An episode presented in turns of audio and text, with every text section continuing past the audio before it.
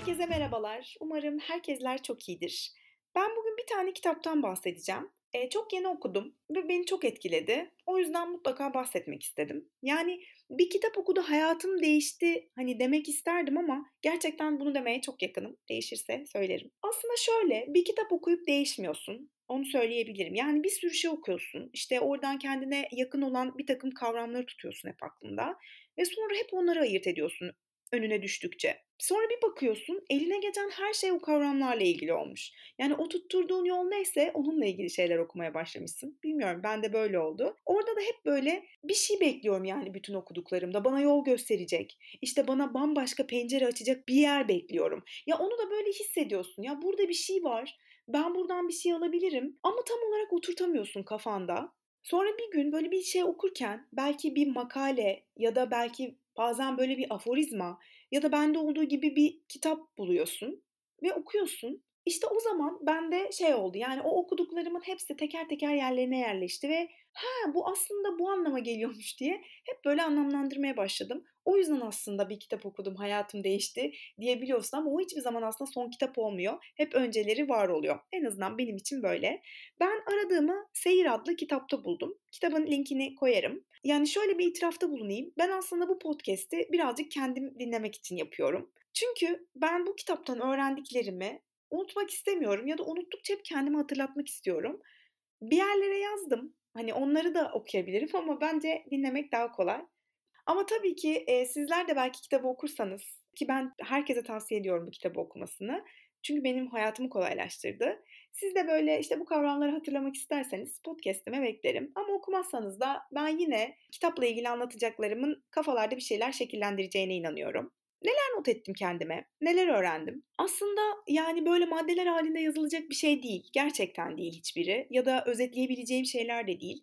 Hepsi bir hikayeli birlikte ve bir bütün olarak anlaşılması gerekiyor. Zaten kitap da tam olarak öyle yazılmış. Bir hikaye üzerine oturtulmuş tüm anlatılmak istenen.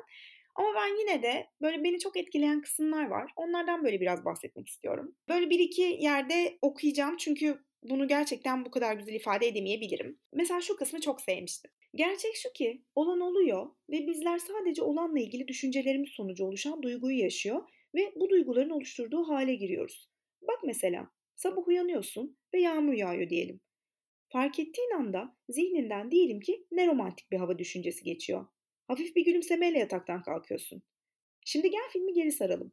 Uyandın, yağmur yağdığını fark ettin ve zihninden of yine ne berbat hava düşüncesi geçiyor.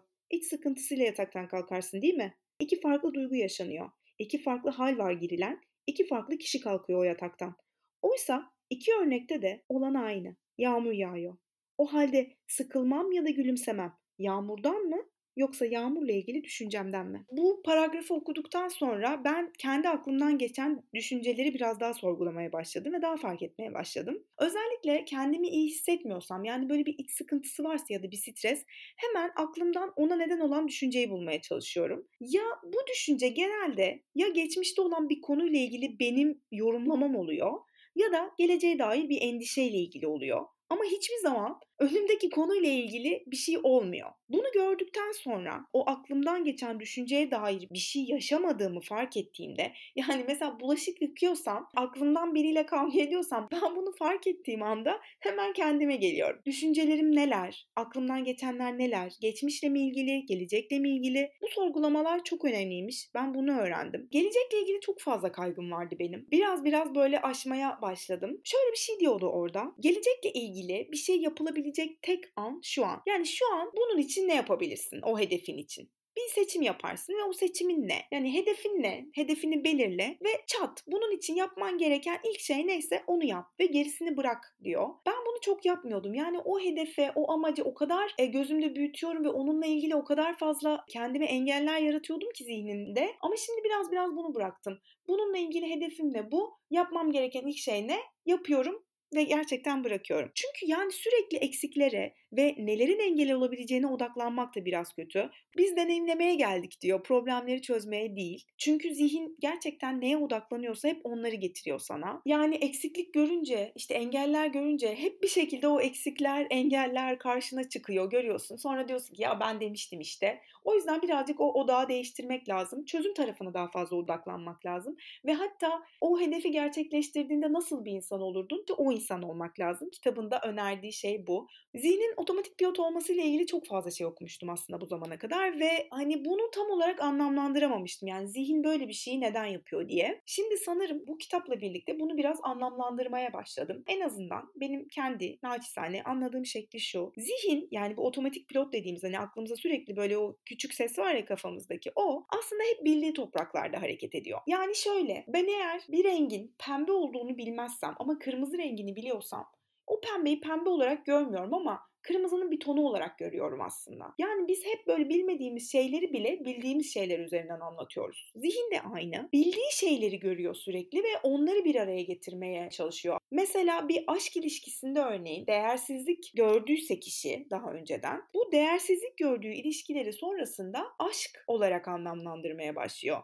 Ve sonra da çıkıp şöyle bir şey diyor. Ya ben hep beni değersiz hissettiren insanlara aşık oluyorum. Aslında oradaki olan başka bir şey. Zamanında yaşadığı bir olayla ilgili aslında zihin bir kanaat üretiyor. Mesela diyor ki böyle hissediyorsan bu aşk diyor.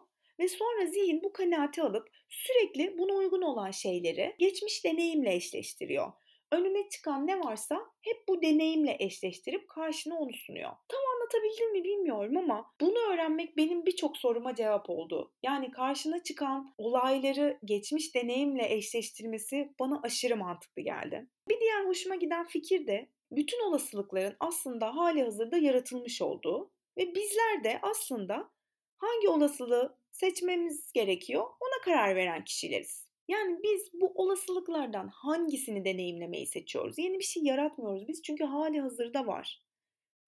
Bunu da daha çok nasıl olduğumuz belirliyor diyor kitap.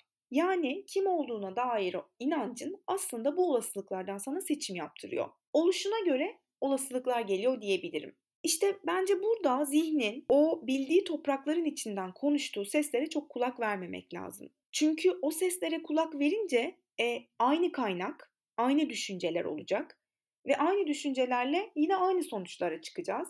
Yani sürekli aynı şeyleri yapıp farklı bir sonuç beklemek yani farklı bir olasılıktan yürümek çok mümkün olmayacak. O yüzden o otomatik pilotu, o zihnin o geçmiş deneyimlerle ilgili verdiği kanaatleri fark edip onları bir kenara bırakıp gerçekten bilinçli tercihler yapmak gerekiyor. Bir de şeyi çok sevdim. Bu akla gelen olumsuz düşüncelere direnmeme fikrini çok sevdim. Çünkü gerçekten direndikçe odak o oluyor, onunla uğraşıyorsun ve onunla uğraştıkça da o sürekli yapışıp kalıyor. O yüzden kitap diyor ki o gelen düşüncelere direnmek yerine, onlarla savaşmak yerine onları gelince bir hoş geldin deyin. Kendi haline bırakıp nasıl gittiklerini de izleyin. Bence bu epey işi kolaylaştırıyor. Bunu da yavaş yavaş yapmaya başladım. Bu arada bunları anlatıyorum ama bunlar böyle ah tamam bunu yaptım geç bunu yaptım geç gibi olmuyor. Bence bu bir süreç ve gerçekten zor. Şu an anlatırken bile gözlerim doluyor. E, çünkü orada böyle bazı şeyleri fark ediyorsunuz kendinizle ilgili. Ve böyle duygu boşanmaları falan yaşayabiliyorsunuz. Neyse.